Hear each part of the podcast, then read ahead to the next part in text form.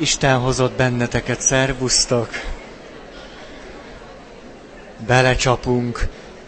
Már most hadd tegyek föl nektek egy kérdést, nem kell most megválaszolni, de majd a mai alkalom végén megint fölteszem, és akkor szavazzunk róla, mert jobbat nem tudok kitalálni.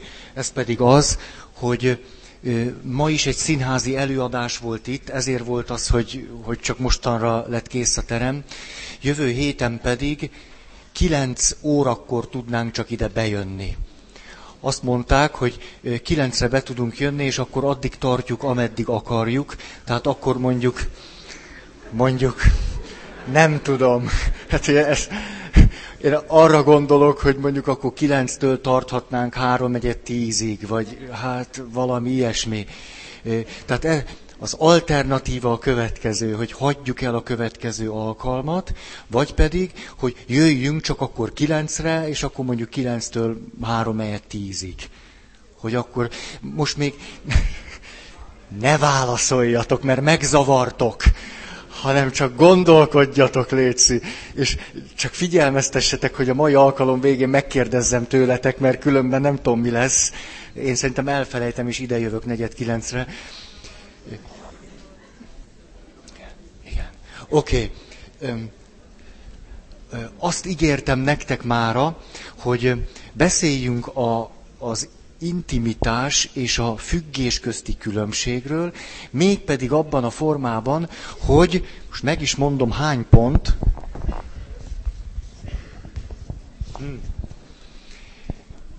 13 plusz 1 egy totó, akkor ez két 13 plusz 1-es totó, plusz még vagy 10, vagyis hogy viszonylag gyorsan fogom egymás után mondani a pontokat, de akinek van kedve hozzá, tesztelheted magad. Hogy te vajon inkább az intimitás irányában vagy-e, vagy az intimitást, hát inkább, inkább, szóval, hogy az inkább függés. De ezt a függést szívesen mondanád intimitásnak. Bizonyára vagytok olyanok, akiknek ez evidens, és azt mondjátok, ó, én egy boldog, függő ember vagyok. Ilyen is van, de lehet, hogy sokan vagytok úgy, hogy na nem, nem biztos, hogy ezt be tudom tájolni.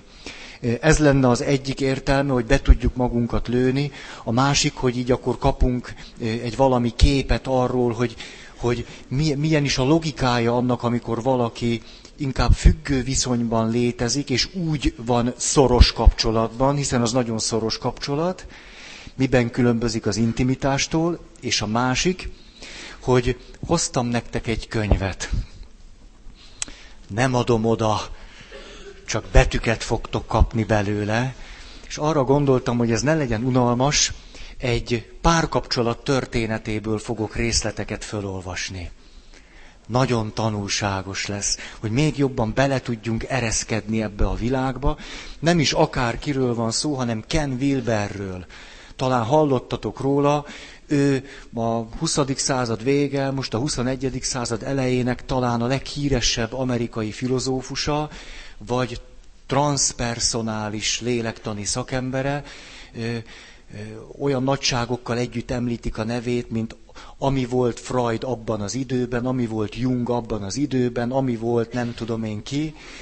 Ken Wilberről nagyjából így beszélnek. És ő neki volt egy öt éves házastársi kapcsolata, azért öt, mert a felesége meghalt rákban.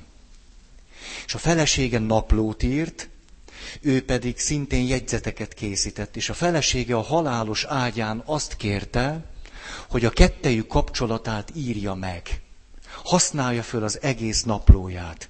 És ő valóban fölhasználta, leírta ezt a naplót az Áldás és Álhatatosság című kötetben, már nem lehet kapni. A legszerencsésebbek még kihalázhatnak egy-egy darabot, és ebből akarok majd szemezgetni.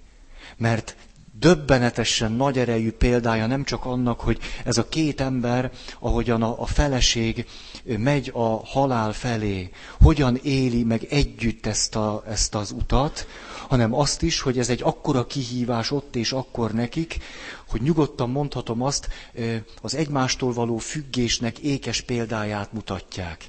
És aztán, ahogy az asszony kezd egyre inkább a halál felé menni, hogyan, hogyan harcolnak és küzdenek az intimitásért. Nagyon gyönyörű szövegek vannak benne. És hogyan tudnak ebből a, a, a, a függés adta bizonyos értelemben vett pokolból szép lassan szabadulni. Nagyon, nagyon-nagyon érdemes megvenni ezt a kötetet. Tehát Ken Wilber, áldás és álhatatosság. Már nem lehet kapni, de érdemes. A, azért is, de még lehet, még van egy-egy példány, neked pont jut. Na, a, azért is elgondolkodtató, mert itt van ez a pasi. Ez egy nagyszerű filozófus az egyetemeken tanítják nem csak a filozófiáját, hanem a transpersonális lélektant, aki elfogadja, ő ott az egyik nagy guru, nagy mufti, egyetemi tananyag életében. Nincs még ötven éves. És hiába okos valaki itt, egy egész más kérdés az, amikor kapcsolatban kell valakivel lenni. Azt gondolom, fölszabadító és gyógyító egy ilyen okos pasinak a nyüglődéseiről olvasni. Remélem a nők, akik gyűlölik a férfiakat, most kapnak egy kis tápot, hogy ó, igen, igen, még ez is milyen szerencsétlen. A, nem tudom, hogy más haszna van-e. Na. Úgyhogy ebből szeretnék részleteket jobb, mint hogyha én mondom a magam kis gagyi példáit. Azt mondja, tehát melyek ezek a tévhitek, amik, amik azok gondolnak, akik inkább függő helyzetben vannak. Egy. Azt gondolom, hogy képes vagyok gyorsan meghitt kapcsolatot és helyzeteket teremteni. Erről beszéltünk. Remélem utáltok miatta. Mert most, ha itt voltatok és jól figyeltetek, egy-két évig, ha bemásztok a fürdőkádba, és meggyújtjátok a gyertyát, ott vagyok veletek. A... Úgyhogy most ezennel fölszabadítlak benneteket, utáljatok nyugodtan, gyújtsatok értem egy gyertyát, rakjátok magatok mögé, és élvezzétek a fürdőkádat. Na, kettő. Akkor is kitartóan hallgatja a másikat, ha az nem érdekli vagy érinti őt. Már amit mond a másik. De hallgatja, hallgatja. Emlékeztek a pára buliban. Három a kapcsolat érdekében a saját szükségleteit figyelmen kívül hagyja. Ah, mondjuk bepisil annyira, ott van a másikkal. Négy. Ezt még nem mondtam el. Most jön.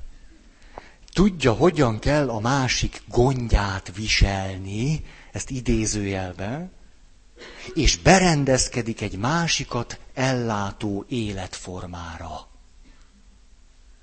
Sose felejtem el egyszer kisé cinikus, szarkis, szarkasztikus megjegyzését egy papnak, aki azt mondta, na, a nők.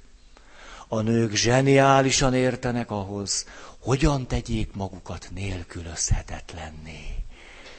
Ó, ez egy kiábrándult férfi vallomása. De ez a mondat mégis nagyon zseniális.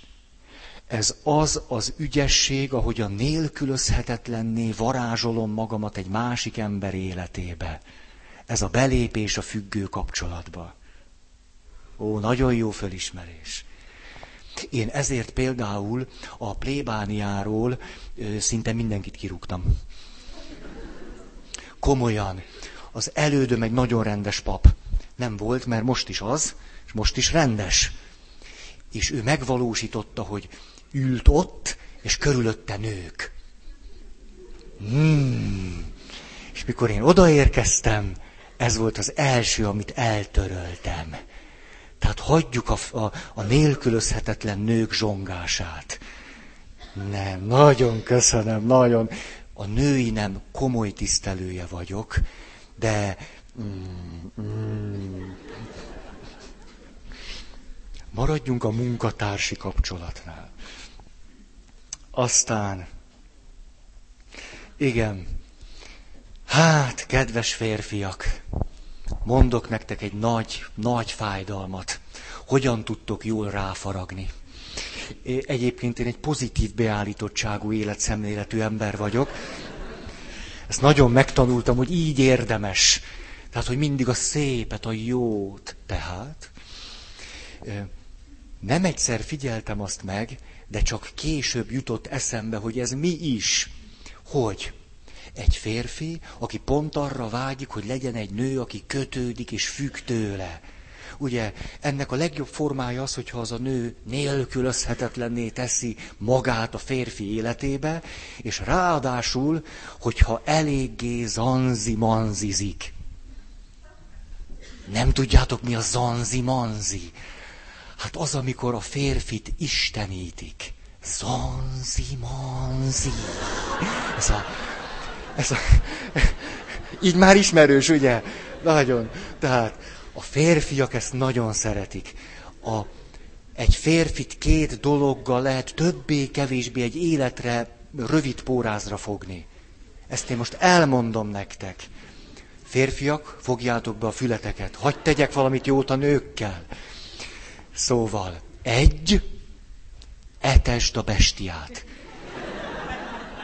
Főzni kell rá, adni neki meleget, inni. Ez szinte már elég. De a férfiak is nagyon lassan, évezredről évezredre egy kicsit fejlődnek. Ezért, ami bejött mondjuk 50 ezer évvel ezelőtt, most már nem elég az üdvösséghez, hogy ezt a szót használjam illegitim módon. A másik pillére egy igazán tartós férfinő kapcsolatnak a zanzi-manzi. Tehát először eteted, és utána zanzi-manzi. Drágám, te milyen nagyszerű vagy. A férfiakat dicsérni kell. Azt kell dicsérni, támogatni, erősíteni. Minden férfi erre vágyik a kaja után. Mert annyira ősemberek vagyunk, hogy először enni, és akkor megnyílik a fülünk. És akkor kics zanzi-manzi, és utána azt csináltok a férfivel, amit akartok. Szóval, hogy jutottam ide?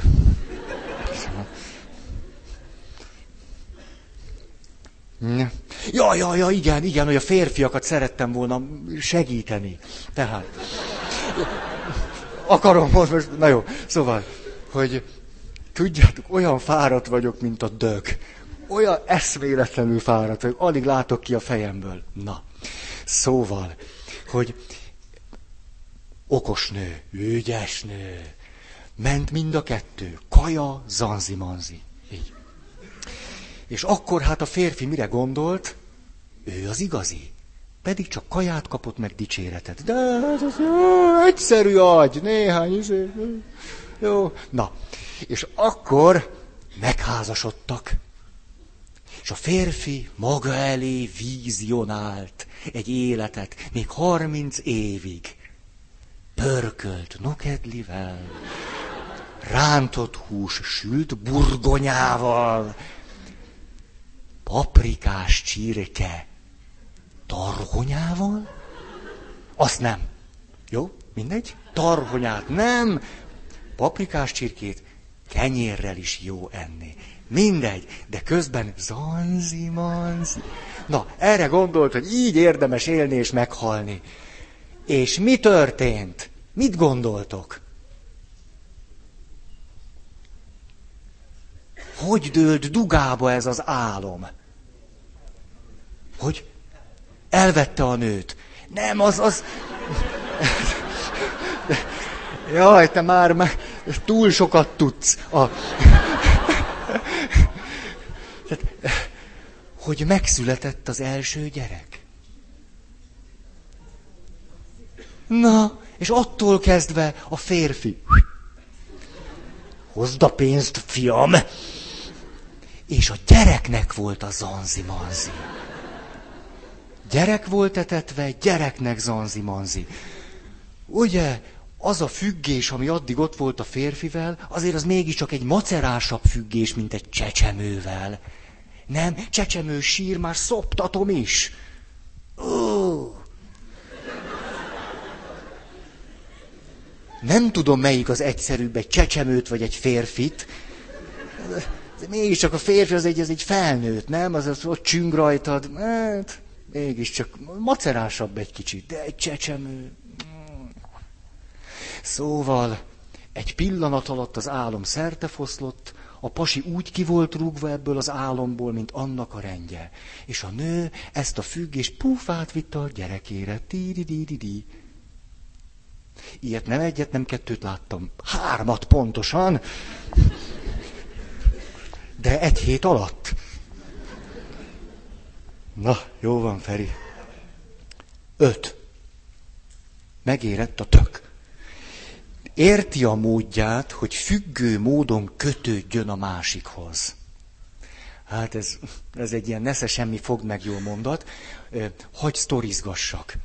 Ez az, amit pontosan tudja, mikor kell telefonálni, mikor kell SMS-ezni, mikor kell MMMS-ezni, mikor kell e-mailezni. Ma rengeteg útja, módja van annak, hogy ilyen folyamatos, hogy én tudom, ez egy óra 15 perc, nagyon hosszú idő egyeseknek.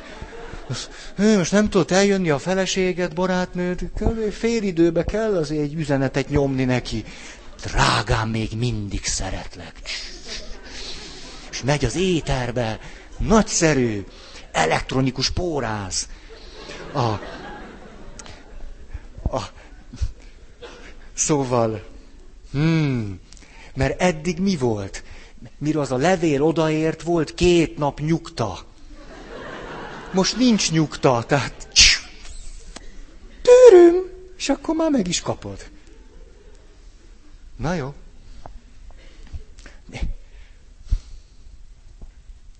Hat. A kapcsolat érdekében szembeszáll a lelki ismeretével belső meggyőződésével. Annak teljesen elfedi a hangját. A mi kultúránk ezt a folyamatot megszokta erősíteni. Ugyanis plö.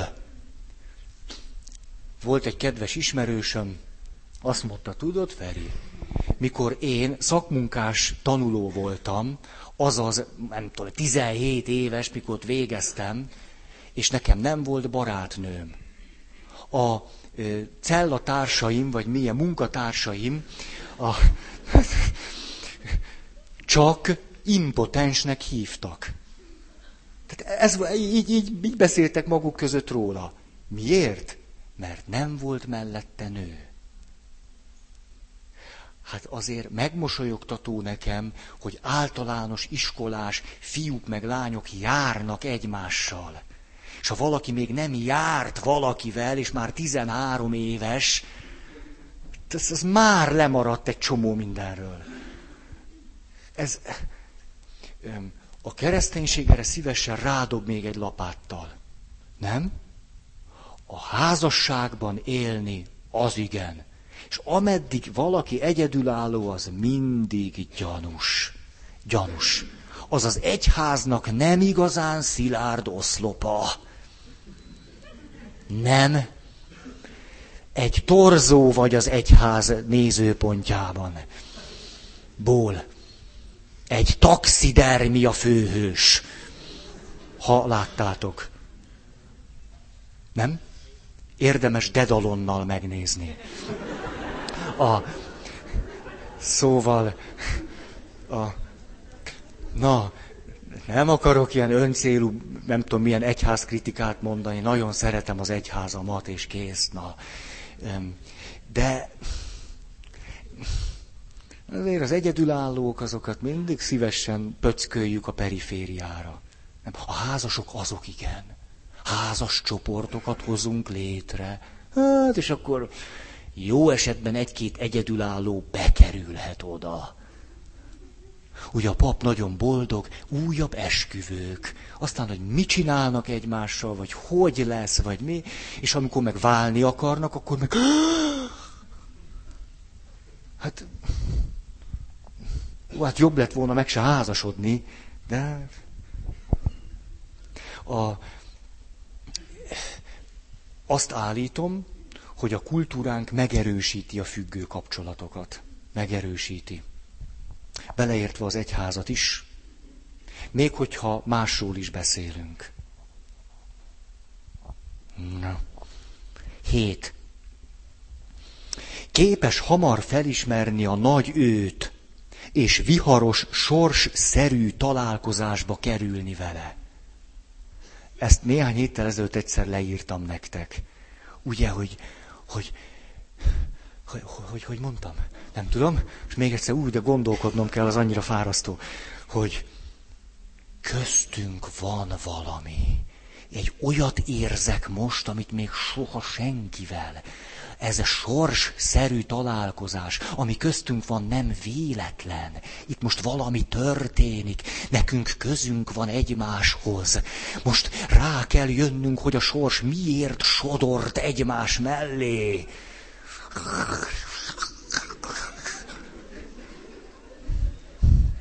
Ez még hagyján, ha nem vagy házas. De de, de, ugye, vagy öt évvel ezelőtt elmondtam azt a történetet, még Terézvárosban voltam, csöngetnek, és egy ifjú hölgy áll ott, egy nagyon kedves, szimpatikus valaki, és a következőt mondja, én keresem a szellemi testvérem. Hát miért? Szabad bárkinek bárki, bármit kereshet, csak miért nálam? Hol? Komolyan egyedül, egyedül élek, én nem tudom mi. De nem tágított, ott állt előttem. Azt mondta, hallgattalak téged vasárnapról vasárnapra. Lehet, hogy te vagy a szellemi testvérem. Nem. Komoly, ártatlan vagyok. De sok, sok bűnöm van, de ezt nem. Ezt nem. nem. És a, de, és kérte, hogy, hogy beszélgessünk, mert ő, ő, ő meg fogja érezni, hogy én az ő szellemi társa vagyok-e. Hogy, hogy a, és mondom, hát jó, hát még ilyen helyzetben nem voltam. Na, nem, nem, tényleg. Hát, írónak a szenvedés, a tapasztalat drága kincs. Hát akkor a pap is így van vele, na nézzük. És, a, és oda jutottunk el, mert kérdeztem, hogy mi ez, mit gondol erről, és azt mondta, hogy ő igazából azért jött, mert ha ő most rájön, hogy, hogy én vagyok az a, a, a, a legmélyebb vonzás tárgya, akkor ő tőlem szeretne gyereket. Miért? Hát én se akárkitől szeretnék. Hát... Szóval én is megnézném, hogy kitől. Ha! Na és akkor eltelt, egy órát beszélgettünk, és tudjátok, mi lett a végén? Azt mondta, nagyon köszönöm ezt az egy órát, majd nem te vagy az.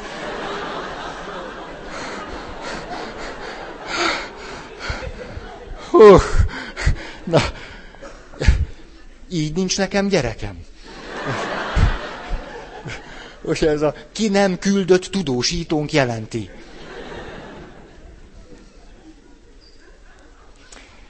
Egy másik valaki jut eszembe, jut eszembe egy másik valaki, ő pedig megálmodott engem. Na, mit szóltok? Mik vannak? Eljött hozzám, azt mondta, Feri egy nagyon-nagyon fontos. Én már akkor megálmodtalak téged, amikor még nem is ismertelek. De most, hogy megláttalak, tudtam, hogy téged álmodtalak meg. Nekünk közünk van egymáshoz. Az álom nem csal, nem hazudik és nem lop. A... Te leszel a férjem. Mondta, hát, hát ha megállt, ha megálmodta, ezen nincs mit derülni. Megálmodta. Mondom, egy ilyen nagyon, hogy mondjam, egy ilyen teljesen kispolgári kifogásom volt, hogy pap vagyok.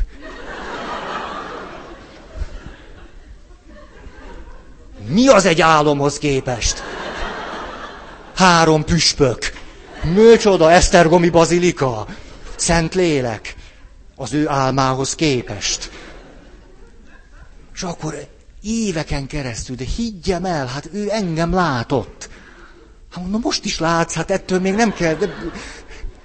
Na, szóval, na, föl lehet ébredni, értitek? Ő inkább aludjon még egy kicsit, mert... Az... Nyolc. Képes azonnal megosztani élete történetét és titkait a másikkal. Vannak, akik ezt ipari módon űzik. Csoportokban mindig van egy-két ilyen ember. Már rájöttem, hogy zsezsegnek. Most tudjátok, tényleg már egy folyik a gúny itt a számon, már szakállamra rászáradt.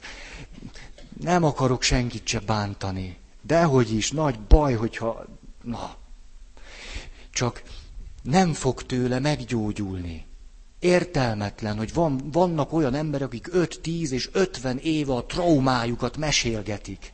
És semmi más nem csinálnak, mint mindig új közönséget találnak a meséjükhöz. Ami igaz is, de nem gyógyulnak tőle meg, és nem is akarnak. Ugyan ott vannak, ahol a sebük van, és mindig élvezik, hogy van egy-egy újabb ember, és, és bevezetés nélkül képesek önteni és mondani. De, de sokszor szörnyűségeket. És hát persze mindig van, aki úgy egyszer, ú, micsoda őszinteség, ú, micsoda bizalom, de nem ez, csak a sérültségből való soha meg nem gyógyulás litániája.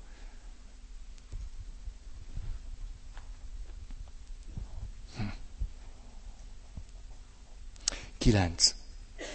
A másikat képes romantikus fantáziájának fő szereplőjévé tenni hogy kielégítse saját romantikus fantázia iránti vágyait. Hm. Hm. Hm. És mondjam, vagy nem mondjam. Hm. A... Egyszer valaki azt mondta, eltelt két találkozás között egy hónap, és akkor azt kérdeztem tőle, na, mi volt a legfontosabb, ami ez alatt, az egy hónap alatt történt? 23 éves fiatal hölgy volt. Azt mondja, hát a legfontosabb, ami ez alatt, az egy hónap alatt történt, hogy rólad fantáziáltam. Nem már.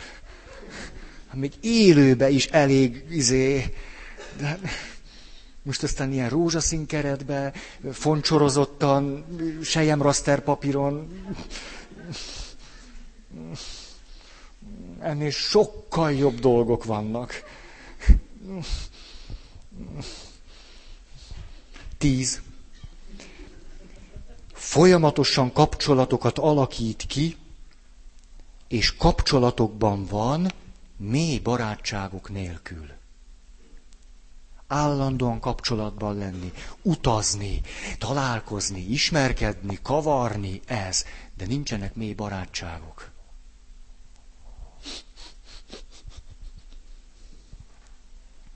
Tizenegy. Gyakran esik szerelembe, nagy intenzitású kapcsolatokba, melyek átalakítják mindennapi életét. Most tegyük a hangsúlyt a második részre. Mindig jön egy újabb kapcsolat, egy újabb szerelem, és akkor mindent fölad. Mindent elhagy, mindent lerak, mindent otthagy, befejez, befejezetlenül otthagy, és teljesen megint csak az az egy kapcsolat van, ami éppen van. Azt gondolod, hogy barátok vagytok, és beüt nála egy újabb soros szerelem, és úgy eltűnik az életedből, mint a sic. És amikor éppen két ilyen függés között van, akkor megint előkerül. És elmondja, hogy milyen rossz, megint elhagyták. Vagy megint ki kellett rúgnia valakit, mert a, elköltözik, föladja a munkáját, a lakását, a városát, az országját, az országrészt, a földrészt, a... Hm. Én ezt úgy szoktam magamban mondani, rászívódik valakire. Kapcsolatvámpír. A tragédiája az, hogy mindig mindent beáldoz. Így aztán mindig semmije sincs. És aztán, amikor semmije sincs, akkor rohan, és azt gondolja, ki más is menthet neki ebből, mint egy pasi. Vagy mint egy újabb házasság, hiszen semmim sincs. A, de van ennek persze más változata is. Mondjuk elválnak, és ugyanazzal a vehemenciával, ahogy, ahogy egymást függő helyzetben tartották, most pereskednek és ölik egymást. Csak az előjel változik, a kapcsolat intenzitása nem. 12. Gyakran úgy érzi, hogy a kapcsolat irányítja őt, és nem ő a kapcsolatot. Ja, amikor valaki azt mondja, hogy valahogy sodródom, nem is tudom, ezek megtörténnek velem, elsodortak az események, elsodort a szerelem, a mit tudom én. Ó, egy kedves ismerősöm jutott eszembe, hogy beszélgettünk, és úgy egyre mélyebbre ment az élet történetébe, és egyszer csak azt mondta, tudod, Feri, 46 éves vagyok.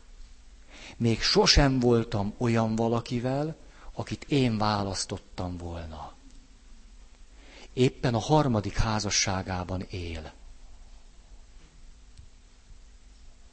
Ez ez. Azt mondta, most 46 vagyok, most kezdem azt gondolni, mi lenne, ha egyszer én választanék magamnak egy társat. Hm. Kiömlött.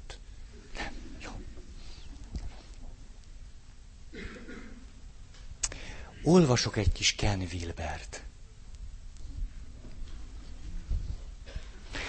Elmondom az álmom, amit aztán föladtam. Vannak színész barátaim, sőt színész házas pár barátaim, és arra gondoltam, hogy de jó lenne, befejezzük ezt a témát, és meghívtam volna őket, és egy alkalom arról szólt volna, hogy egy valódi férj és feleség, akik színész házas pár, itt előadták volna ezt a történetet. Persze csak fölolvasva. Jó ötlet, nem? Annyira jó lett volna. De aztán úgy gondoltam, sokkal jobb, ha én olvasom el. Nem, csak sokat kellett volna szervezni, és aztán belefáradtam már a gondolatba is. Azt mondja, kezdjük el a történetüket. Már az asszony rákos, már ezt tudja, és már túl van egy, az egyik mellének a levételén.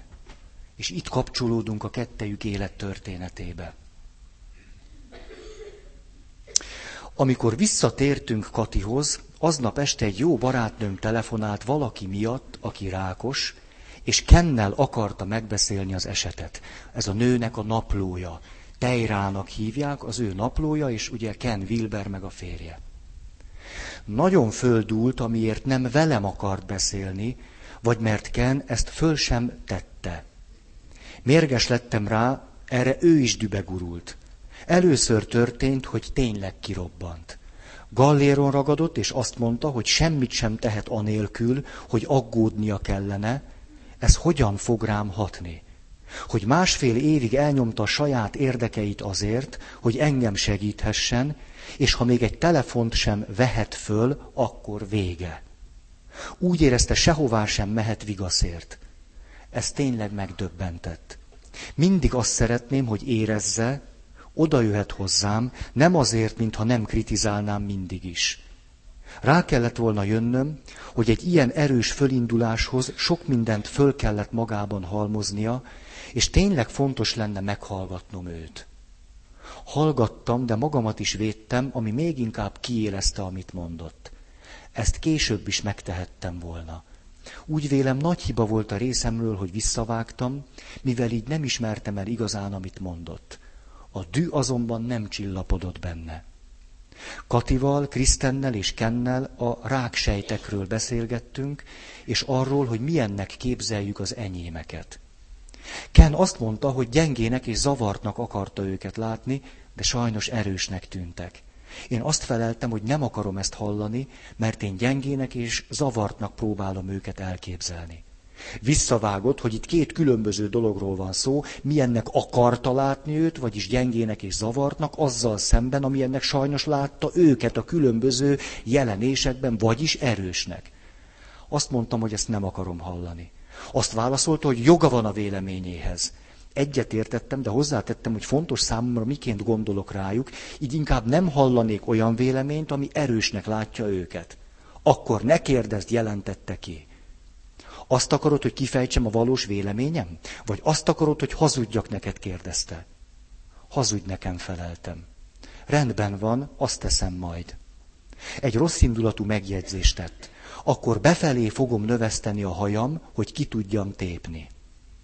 És ezzel véget vetett a beszélgetésnek. Tudom, miként vette a dolgot. Egy telefont sem vehet föl, a véleményét sem mondhatja el anélkül, hogy azon aggódna, ez hogyan fog rám hatni, rád és a rákodra. Fel sem fogod, milyen nehéz lehet a betegséget azok számára, akik szeretnek, mondta. Mondhattad volna, hogy na hát Ken, kérlek, ne mondd, hogy a rákos sejtjeim erősek, mert ez aggaszt engem. De te csak parancsolgatsz, ne csináld, ha mondom. Szívesen megteszek bármit, ha megkész rá, de belefáradtam, hogy parancsoknak engedelmeskedjek. Nagyon nehéz volt. Ez volt az egyik első alkalom, hogy Kennel nem voltunk összhangban. Szükségem van rá, hogy érezzem a támogatását, de kezdem látni, hogy Kennek is szüksége van támaszra.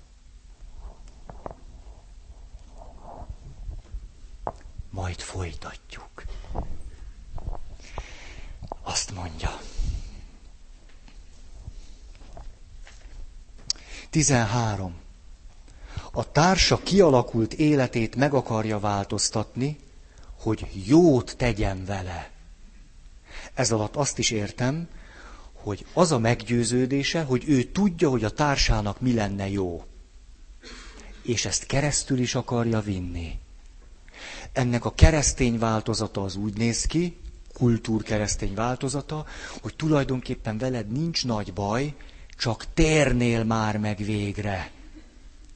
És addig ütlegli, püföli, szaval neki, míg végre aztán megy ilyen látszat megtérésbe bele nem nyomja.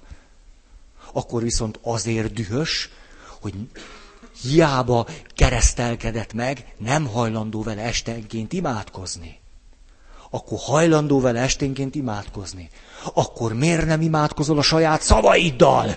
Miért csak a kötött imád? Amikor nyomorult már saját szavaival is imádkozik, akkor miért mindig csak kérsz? Miért nem jutottál el a hála adó imához? Ez az, amikor mindig tudom, hogy a feleségemnek mi lenne jó. És nem értem, hogy hogy nem látja be, hogy nekem van igazam.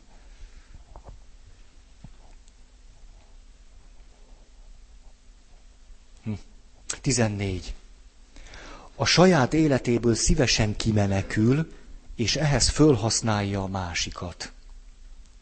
Külföldi pasi, külföldi csajszi. Blö.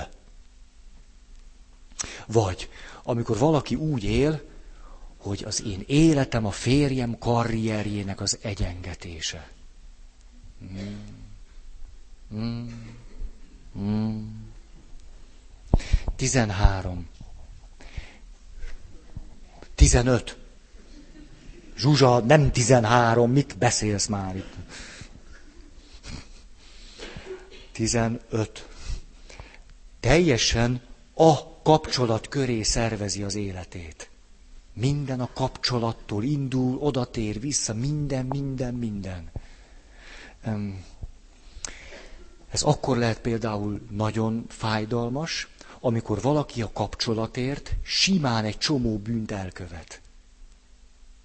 Mert annyira fontosnak tartja a kapcsolatot, hogy a lelkiismeretének a hangját simán elhallgattatja, és azt gondolja, hogy a kapcsolat ér annyit, hogy simán hazudjon bárkinek, hogy simán lopjon bárhol, hogy csinálj bármi. A függő kapcsolatban lévő ember egészen amorális is tud lenni azért, hogy a kapcsolatát ne veszítse el. Tizenhat. a saját és a társa életéből azzal törődik csak, ami a kapcsolatukhoz tartozik. Emlékszem, 17 éves voltam, és tetszett nagyon nekem egy ifjú hölgy. Na, hogy nem egy idős. És azon töprengtem, nem kellene szorosabbra fűzni a viszonyunkat. És ő is ezen töprengett. Szép. És akkor, hát 17 évesek voltunk, elment, mit tudom én hova, és írt nekem egy képeslapot. A képeslapról fogalmam sincs, hogy hol van, de egy sorát sosem felejtem el, mert mikor elolvastam, akkor megvilágosodtam. Egy kicsit. Ezt hívják Szatorinak.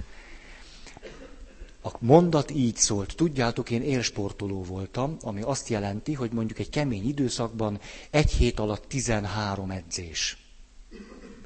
Csak vasárnap délután nem volt edzés. Na, tehát úgy körülbelül sportoló. Ennek tudjátok, van, van egy skibám. Ismeritek ezt a kifejezést? Síjelős bunkó. Ez a skibám. Tehát semmi más nem létezik, csak a sí. A skibámok már eltűntek, mert már van, ahol leesett a hó. Ilyenkor nem találkozunk velük, csak a pályán. A, szkíbám az a valaki, aki nyáron ilyen rollerezik, meg, meg műfűre ugrik, meg mit tudom én, de szóval most már bármit lehet. A, tehát én is egy kicsit ilyen voltam. Tehát izomagy, sport, na. És akkor a következő, következő mondat ebben a, ebben a labban. Na, és hogy megy a te kis sportod?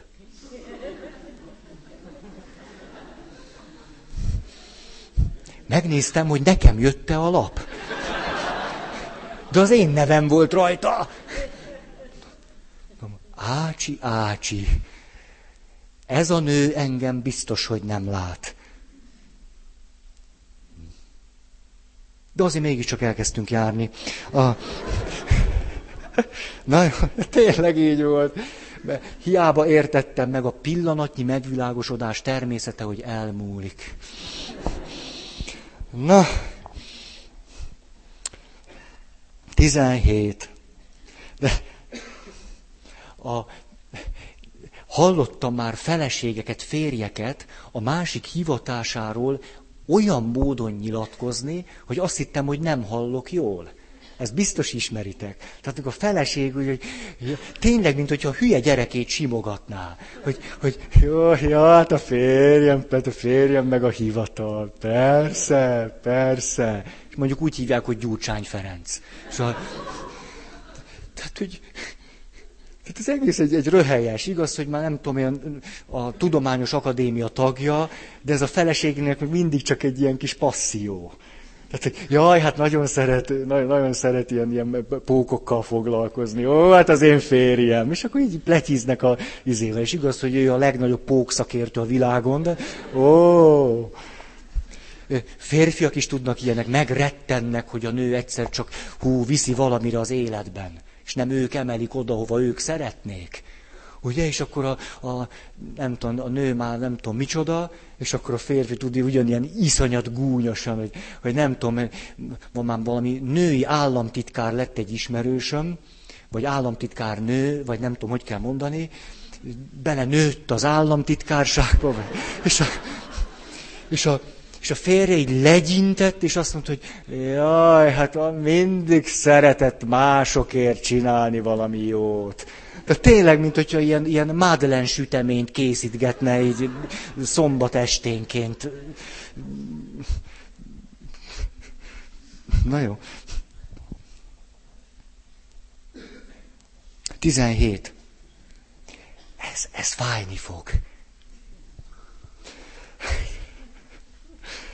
Úgy viselkedik, hogy a másik azt érezze, most él igazán hogy érzed, hogy most milyen jó. Nem jobb velem, mint bárki mással. ugye velem a legjobb. Ugye bár voltál más férfiakkal is, de amit én adok, mondja a férfinek.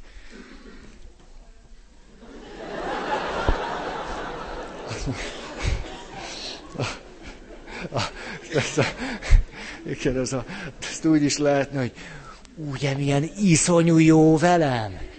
Igen, tényleg iszonyú. A...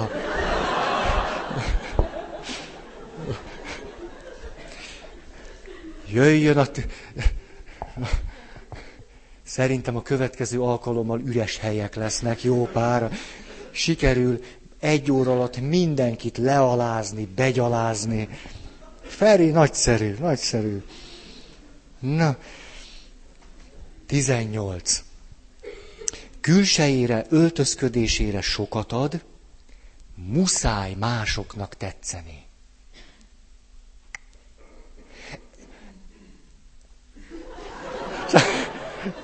Sándor, szerintem te nem vagy ez a fajta, de nem. Jóba vagyunk, merem vele megcsinálni. Na, szóval, tudjátok, mikor jöttem erre rá? Volt az életemben egy misztérium. Hát kettő volt, az egyik az Úr, a másik meg ez. Temetés. Ez még hagyján, de a temetéseken, mondjuk minden ötödiken, hatodikon szembesültem egy misztériummal. Elmondom, hogy ez mi. Komoly temetés, komoly gyász. Hm. A... és mindig olyan 5-6 temetésenként a gyászolók között van egy fekete harisnyás, mini bőr, mini szoknyás gyászoló. Olyan 5-6 temetésenként. Gyönyörű, szép, ha nyár van, bőr mini szoknya. Mi ez? Ezen vívódtam. Próbáltam értelmezni a jelenséget. Tehát ez úgy van, állok, mondom a beszédet, és akkor... belül meg töprengek. Hogy, hogy, hogy, amíg még a hatás van, hát, ha rájövök. És akkor először arra gondoltam, hogy, hogy ez egy ösztönös tiltakozás a halál ellen. Ez, ez volt így a, a spirituális, ontológiai válasz. Tehát, hogy, hogy, hogy köpök a halálra, fiatal vagyok, van két lábam.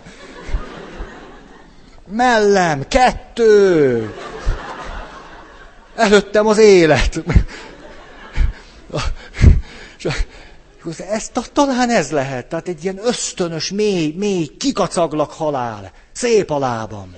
Hát jó, van, a koporsóba is szép, ez, ez nem tudom, de... Na, aztán rájöttem, ez is lehet egy válasz, de talán nem ez a teli találat. Ő az a valaki, aki még egy temetésen is tetszeni akar a pasiknak. Még ott sem képes lemondani arról, hogy hasson egy férfira. Erre jutottam.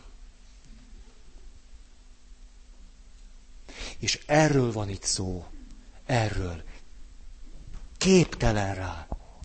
Mert csak már az is a, a, az általa óhajtott valamiféle függésnek a, az előszele, hogy a férfiak szeme kocsányon tapad a láb ikrájára, vagy, vagy mit, miére, tért kalácsára, vagy comb fixére, vagy hát följebb ne menjünk egy temetésen.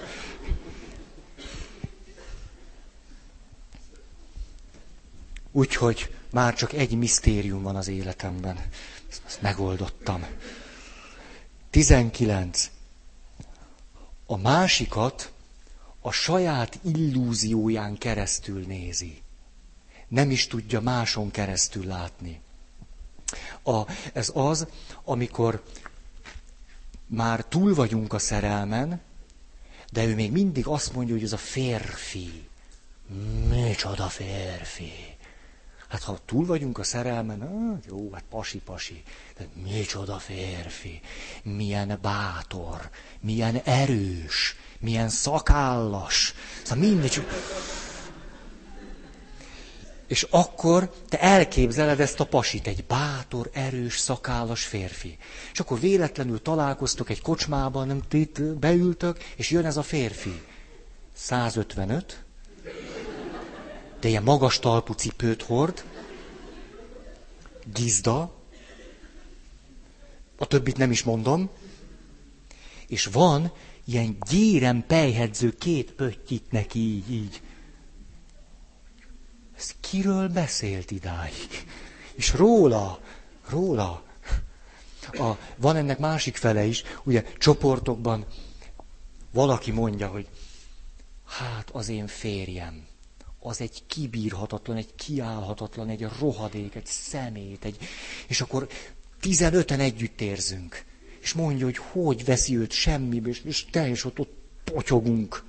Már a könnyeink potyognak, és, és akkor egyszer csak találkozunk a férjével, és egy tök rendes csávó.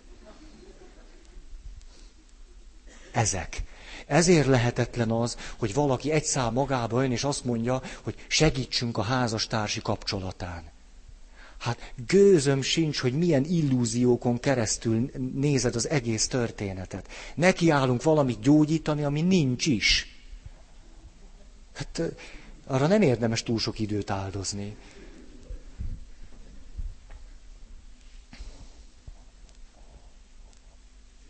Hm. Húsz és utána jön Ken Wilber. Ha a kapcsolat bajba jut, mindenért magát okolja és kárhoztatja. Mindenért. Ez klasszikus. A másik életért, a másik jövendőbeli életért, a másik döntéseiért, mindenért, az egész múltért. Hm. Oké. Okay.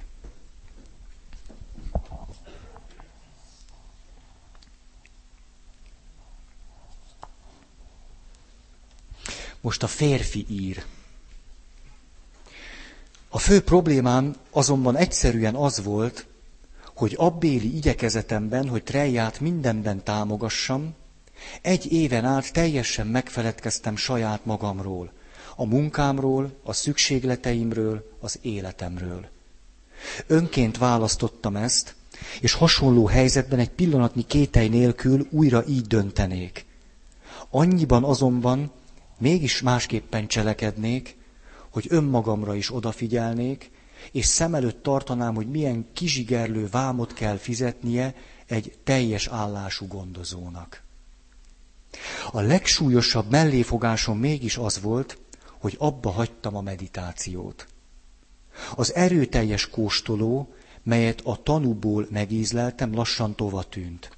Már nem találtam könnyen az utat, a ciklon személyhez. E, ez egy utalás, ami neki fontos lelki élmény volt. A ciklon forgataga lett az osztályrészem. Számomra ez azt jelentette a legnagyobb nehézséget, számomra ez jelentette a legnagyobb nehézséget egy gyötrelmes időszakban. Amikor elvesztettem a bejárásomat a tiszta, nyitott éber tudatosságba, nem találtam már az utat a saját lelkemhez. Az összezsugorodott énemmel maradtam, narcisszusszal, aki reménytelenül föloldódott saját képmásában.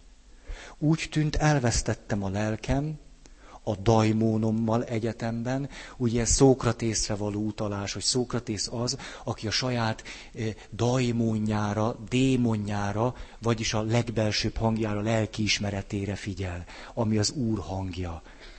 Csak azért mondom ezt, mert így fogja mondani ez a Ken Wilber, hogy a saját démonomra. Azt mondja, úgy gondoltam, a legalapvetőbb és legelképesztőbb hibám mégis az volt, hogy trejját okoltam megpróbáltatásaimért. Szabad akaratomból azért, hogy mellette legyek, elhanyagoltam kedvenc foglalatosságaimat, az írást, a szerkesztői munkát, a meditációt, és amikor ezek eltűntek az életemből, akkor trejját tettem meg bűnbaknak. Őt hibáztattam, hogy rákos lett, őt hibáztattam, hogy tönkretette az életemet, hogy elvesztettem a daimónomat. Az egzisztencialisták ezt téveszmének nevezik, téves, mert nem vállalod a felelősséget a saját döntéseidért. Az egyre súlyosbodó depresszióm érthetően rosszul érintette Treját, különösen azok után, amiken átment. Másfél évig éjt nappallá téve mellette voltam, majd hirtelen eltűntem önmagamba, a saját problémáimba, tem, problémáimba temetkeztem, elegem lett abból, hogy Treja gyötrelmeit hallgassam. Magam is úgy éreztem, hogy némi támogatásra szorulok, és úgy éreztem, ő nem szokott ehhez hozzá, vagy képtelen biztosítani ezt számomra. Amikor burkoltan elkezdtem Treját hibáztatni a depressziómért, ő érthető módon bűntudattal vagy haraggal reagált erre. Ezzel párhuzamosan Treja saját neurotikus batyúja is egyre súlyosabbá vált, aminek elviselését az idő előtti klimax és a kemoterápia okozta kedély hullámzások is csak nehezítették. Ezekre pedig én reagáltam érzékenyen. Szóval beszippantott bennünket a bűntudat és a vádaskodás egyre gyorsabban lefelé pörgő spirálja, mely trejját kétségbeesésbe, engem pedig a sportszerboltba kergetett. Hát ez a szöveg jobb, mint az én szövegem szerintem. De, de, még arra gondoltam, a végén olvasok még egy részletet, jó? Na. 21. Minden józan határon túlmegy, hogy bent maradjon a kapcsolatban. Ez az, amikor nem érted, hogy attól az alkoholista férfitől, aki üti, veri, akármit csinál vele, miért nem költözik már el? És akkor én papként azt mondom, hogy kedves asszony, még az egyházjog is ismeri azt, hogy ágytól, asztaltól el lehet válni, ha az életközösség nem tartható fönn. Hogy ezt megteheted. Hát nem kell odadobnod magadat újabb pofonokért, akkor sem. Emlékszem, hogy ezt mondtam nektek, amikor egy anya otthonban voltam fél évig gyakorlaton. Akkor döbbentem arra rá, hogy az anya otthonból, ahova általában krízisben lévő anyák nagyon sok esetben menekülve a brutális férjeik elől laknak, több mint 90 százalékban ugyanezekhez a férfiakhoz mennek vissza. Ebben természetesen a gazdasági, anyagi kiszolgáltatottsági szerepet játszik, de nem ekkora százalékban. Ezért lehetséges az, hogy valaki esetleg nagy nehezen azt mondja, hogy elegem van a folyamatos megaláztatásból, bántásból, és utána megint beválaszt egy alkoholista pasit. És a történet ott szokott pikáns lenni, hogy a második pasinál is nem veszi észre, hogy alkoholista. Csak amikor már együtt élnek, és kiderül, hogy az is az. 22. A kapcsolatért képes elfolytani a saját érzéseit. Hát ez evidencia, ez nem akarok semmit se tenni. 23. Nagyszerűen helyezkedik bele mások világába, de a sajátjába nem. Ez az a valaki, aki döbbenetes együttérzésről tesz tanúságot. Hihetetlen jól tud másokra hangolódni. Egy beszélgetésben, ha megkérdezem, hogy mit gondolsz, mi van most bennem, simán elmondja. Azt gondolom, hogy egy zseni. És ha megkérdezem, hogy és te mit érzel, akkor azt nem tudja. Nagy árat fizet ezért az együttérzésért, mégpedig azt, hogy a saját érzéseiről fogalma sincsen. 24. Igen, mert itt elszámoltam. Keresi és tanulja a technikákat, eszközöket, amivel egy kapcsolatban hatni lehet a másikra. Na ez az, amit én sose értettem. Hogy jöttek hozzám olyan segítségkérésért, hogy mondjuk így szólt a kérdés. Feri atya, mondj nekem néhány jó ötletet, hogy hogyan tudnám a férjemet rávenni arra, hogy igazából ezek olyan idegenül hangoznak a fülemnek, hogy nem is értettem, hogy most mit kéne csinálnom. Aki azért tanul kommunikációt, hogy azt tanulja meg, hogy hogyan tudja befolyásolni azt a másikat. Hm.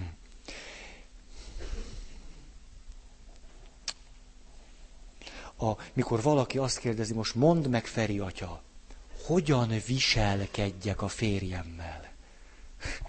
Akkor azért, azért egy kicsit elkeseredek. Hát a, te a férjeddel viselkedni szoktál?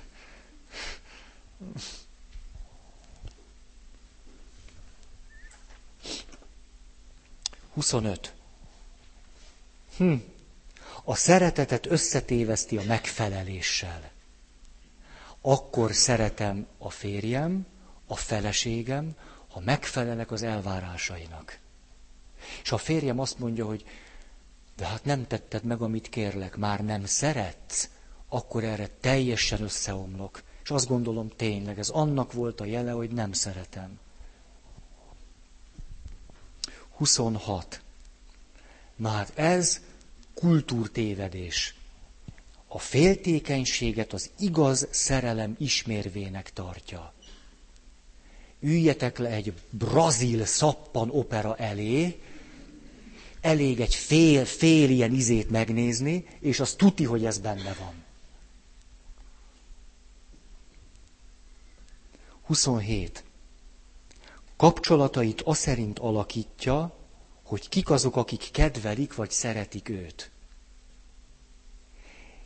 Nem szívesen kerül azokkal kapcsolatba, akik józanul állnak ő hozzá. Mondjuk nem zanzi-manziznak. Most jön egy fájdalmas. 28. Az őszinteséget tudja csaliként használni. Egy függő helyzetben magát jól érző valaki, persze nem érzi jól magát, csak azt gondolja, hogy, hogy ez így jó, a legnagyobb értékeket is alárendeli a függő kapcsolat föntartásának. Nem azért őszinte, mert az intimitás felé vezető út, az őszinteség is a manipulációnak egy fajtája. Mindig pontosan tudja, mikor érdemes őszintének lenni. Ú, de, de gyomrozó dolog ez. Mindig mérlegel. Megéri-e most kimondani az igazságot? Az őszinteség, mint a manipuláció eszköze, van egy másik is, amikor két függő ember egymásra talál abban, hogy akkor szeretjük egymást, ha mindent elmondunk egymásnak. Ez az egymás szadizásának egy kultúrformája. Ez az, amikor hazaér fáradtan a férfi meg a feleség, és ha még nem egy munkahelyen dolgoznak, ami hát persze előbb-utóbb bekövetkezik, de ameddig nem, addig a feleség a következőt kérdezi. Szeretsz? A férj. Tudod, hogy szeretlek? Nagyon? Hát tudod, hogy nagyon. Igazán? Hát tudod, hogy igazán? És most ennek innentől kezdve sok ága boga van, most csak az egyiken induljunk tovább. Azt mondja, gondoltál rám? Hát persze, drágám. Mindig? A, mindig. Csak rám gondoltál? Hát tudod, hogy egész nap, miközben rád gondoltam, csak, egyedül, a munkámat csak fél aggyal végeztem a kevésbé fontos agyféltekémmel. A fontosabbal csak rád gondoltam. Tényleg? Szoktam neked hazudni? Nem, de most mégis olyan bizonytalan vagyok. Benne Nem. Hiszen én szeretlek. Igen, most kezdem érezni. De biztos? Igen, biztos. És akkor egy pici szünet, az egyik már azt gondolja, hogy talán, talán be lehet kapcsolni a tévét.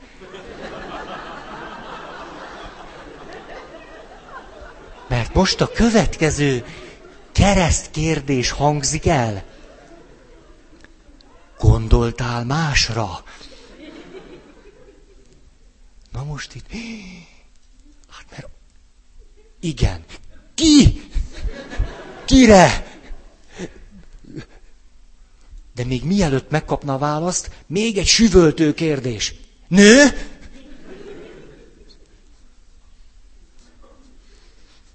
Ugye itt most ciki van. Mert persze egy függő helyzetben a legapróbb arcmimika is elárulja a pasit. Azt tudjátok, az arcunkon mikrorezgések vannak.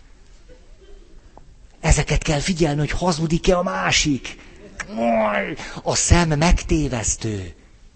Keresd a mikrorándulásokat. Na és akkor a pasi már régen begyantáztatta az arcát. Ezért járnak bizonyos férfiak ilyen arcplasztikára, ez a... Jaj, kit láttam, az, az egy, azt hittem egy mesefilm lesz, de egy horrorfilm volt. A, a, tudom, tudom, ezt múltkor meséltem, jaj, csak eszembe jusson. Jaj, hogy... Ja, tudom, Barbara Streisand játszotta a főszerepet. Hát így komolyan, így, így le volt ragasztva a bőre. Ez valami döbbenetes volt. Azt hittem, ez egy horror, horrorfilmnek a nem tudom én milyen, de nem, ez egy vígjátéknak indult. Csak ő volt a főszereplő, de hát ilyen arccal. A, mert hogy értitek, egy ilyen fruskát játszott 127 évesen. Hát, és a, na, és akkor beismeri. Igen, nő volt. És akkor, akkor vége. Akkor vége. Távirányított kidobják a szemétbe, kaját eltolják. Most lehet, most két órás beszélgetés következik. Azt mondja, ki az? Vádló hangon. Más. Brünnhilda volt. A Brünnhilda! A Brünnhilda! Mit gondoltál róla? Hogy szebb, mint én? És akkor jön, most, most kihagyok fél órát, csak azt mondja, most akkor mondj el minden érzést, mindent. És akkor elkezdi, mert a pasi, ez már szörnyű, mert ha nem őszinte, akkor azért nem tud lefeküdni, aludni. Ha meg őszinte, akkor meg azért nincs alvás. Ez a zsákutca. És akkor azt hát beismeri, hát, egy, egy, egy, egy pillanat félére, egy pillanat szerűség erejéig de, de majdnem tetszett.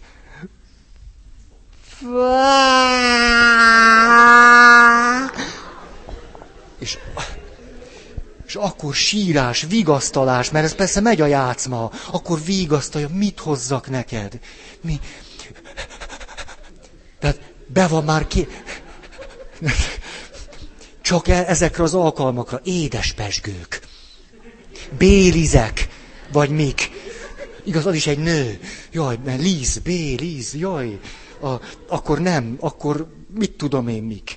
Na, isznak, esznek, simogatják egymást, nem tudom.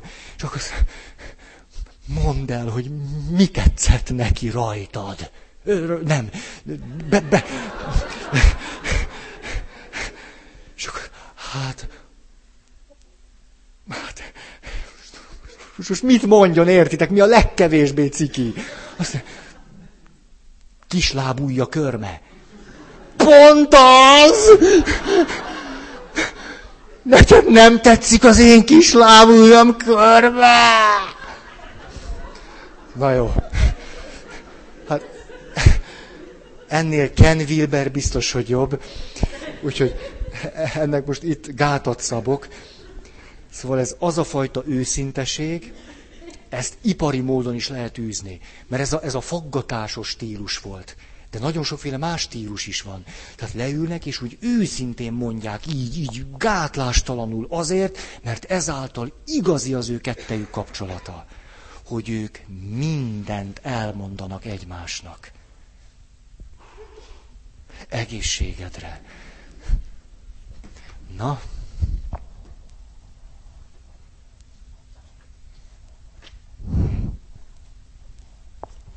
akkor Ken olyan szomorúan jár kell mostanában. Az élettel szemben érzett általános elégedetlensége megmutatkozik a hangszínében, ahogyan hozzám szól, és ezt egyszerűen nem tudom nem magamra venni. Minden mondat. Azt mondja. Néha, amikor ilyen, érzem, hogy szerelmes belém, csak éppenséggel nem kedvel. A lélek. Bocsánatot kér, általában nagyon kedves hangon, és azt mondja, nem úgy értette. Néha mégis azt hiszem, hogy úgy érti. Próbálom ezt megbeszélni vele, de nem igazán jutottam egyről a kettőre. Akkor úgy érzi, hogy egy harmadik személy nélkül, mint például X vagy Y, nem igazán tudjuk megoldani a dolgainkat. És idézet. Drágám, már vagy tucatszor átrágtuk magunkat ezeken. Nem tudom, miért vagyok ennyire magam alatt, de ha beszélünk róla, te bűntudatot érzel, és fölhúzod magad, én is fölhúzom magam, és ez így nem megy.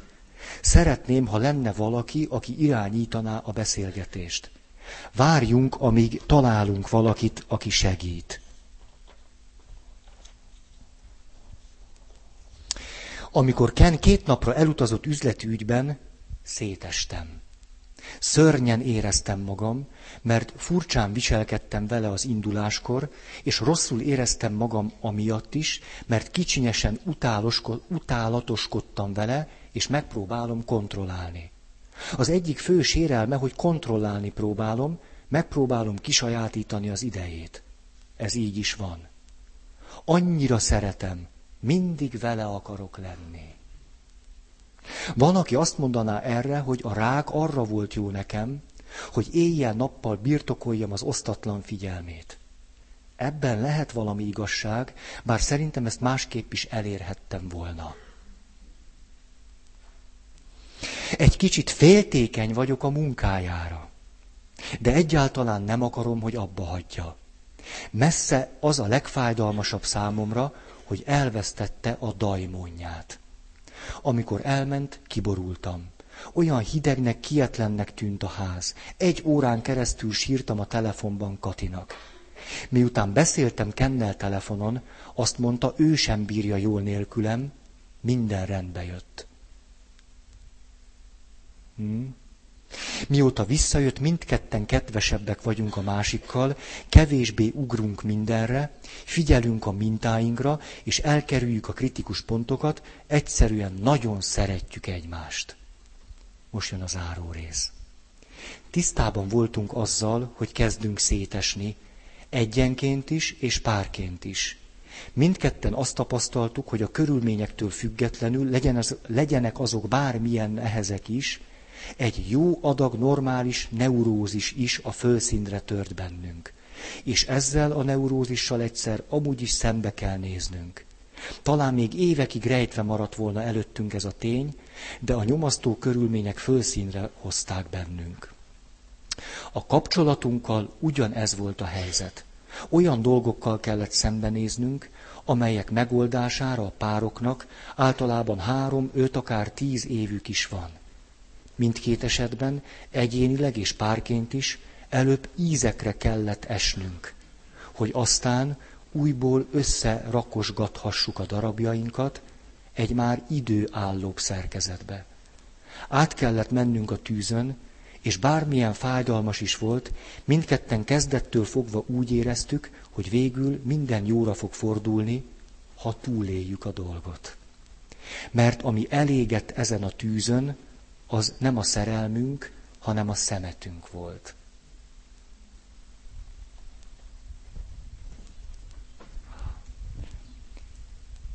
Még jutott a következő alkalomra is. Most azt kéne eldönteni, hogy mikor lesz ez a következő alkalom. Azt szeretném kérni tőletek, hogy tenné föl a kezét az, aki azt mondja, hogy kilenctől háromnegyed tízig, egy háromnegyed óráért érdemes volna idejönni, azért, hogy ne essünk ki, hanem megmaradjon a folyamat. Tegye föl az a kezét, kérem.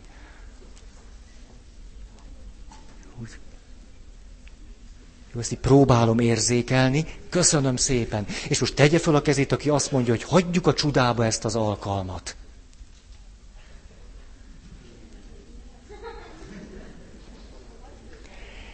Ezt a szavazás eredménye, hogy kevesebben jelentkeztetek a második ötletre.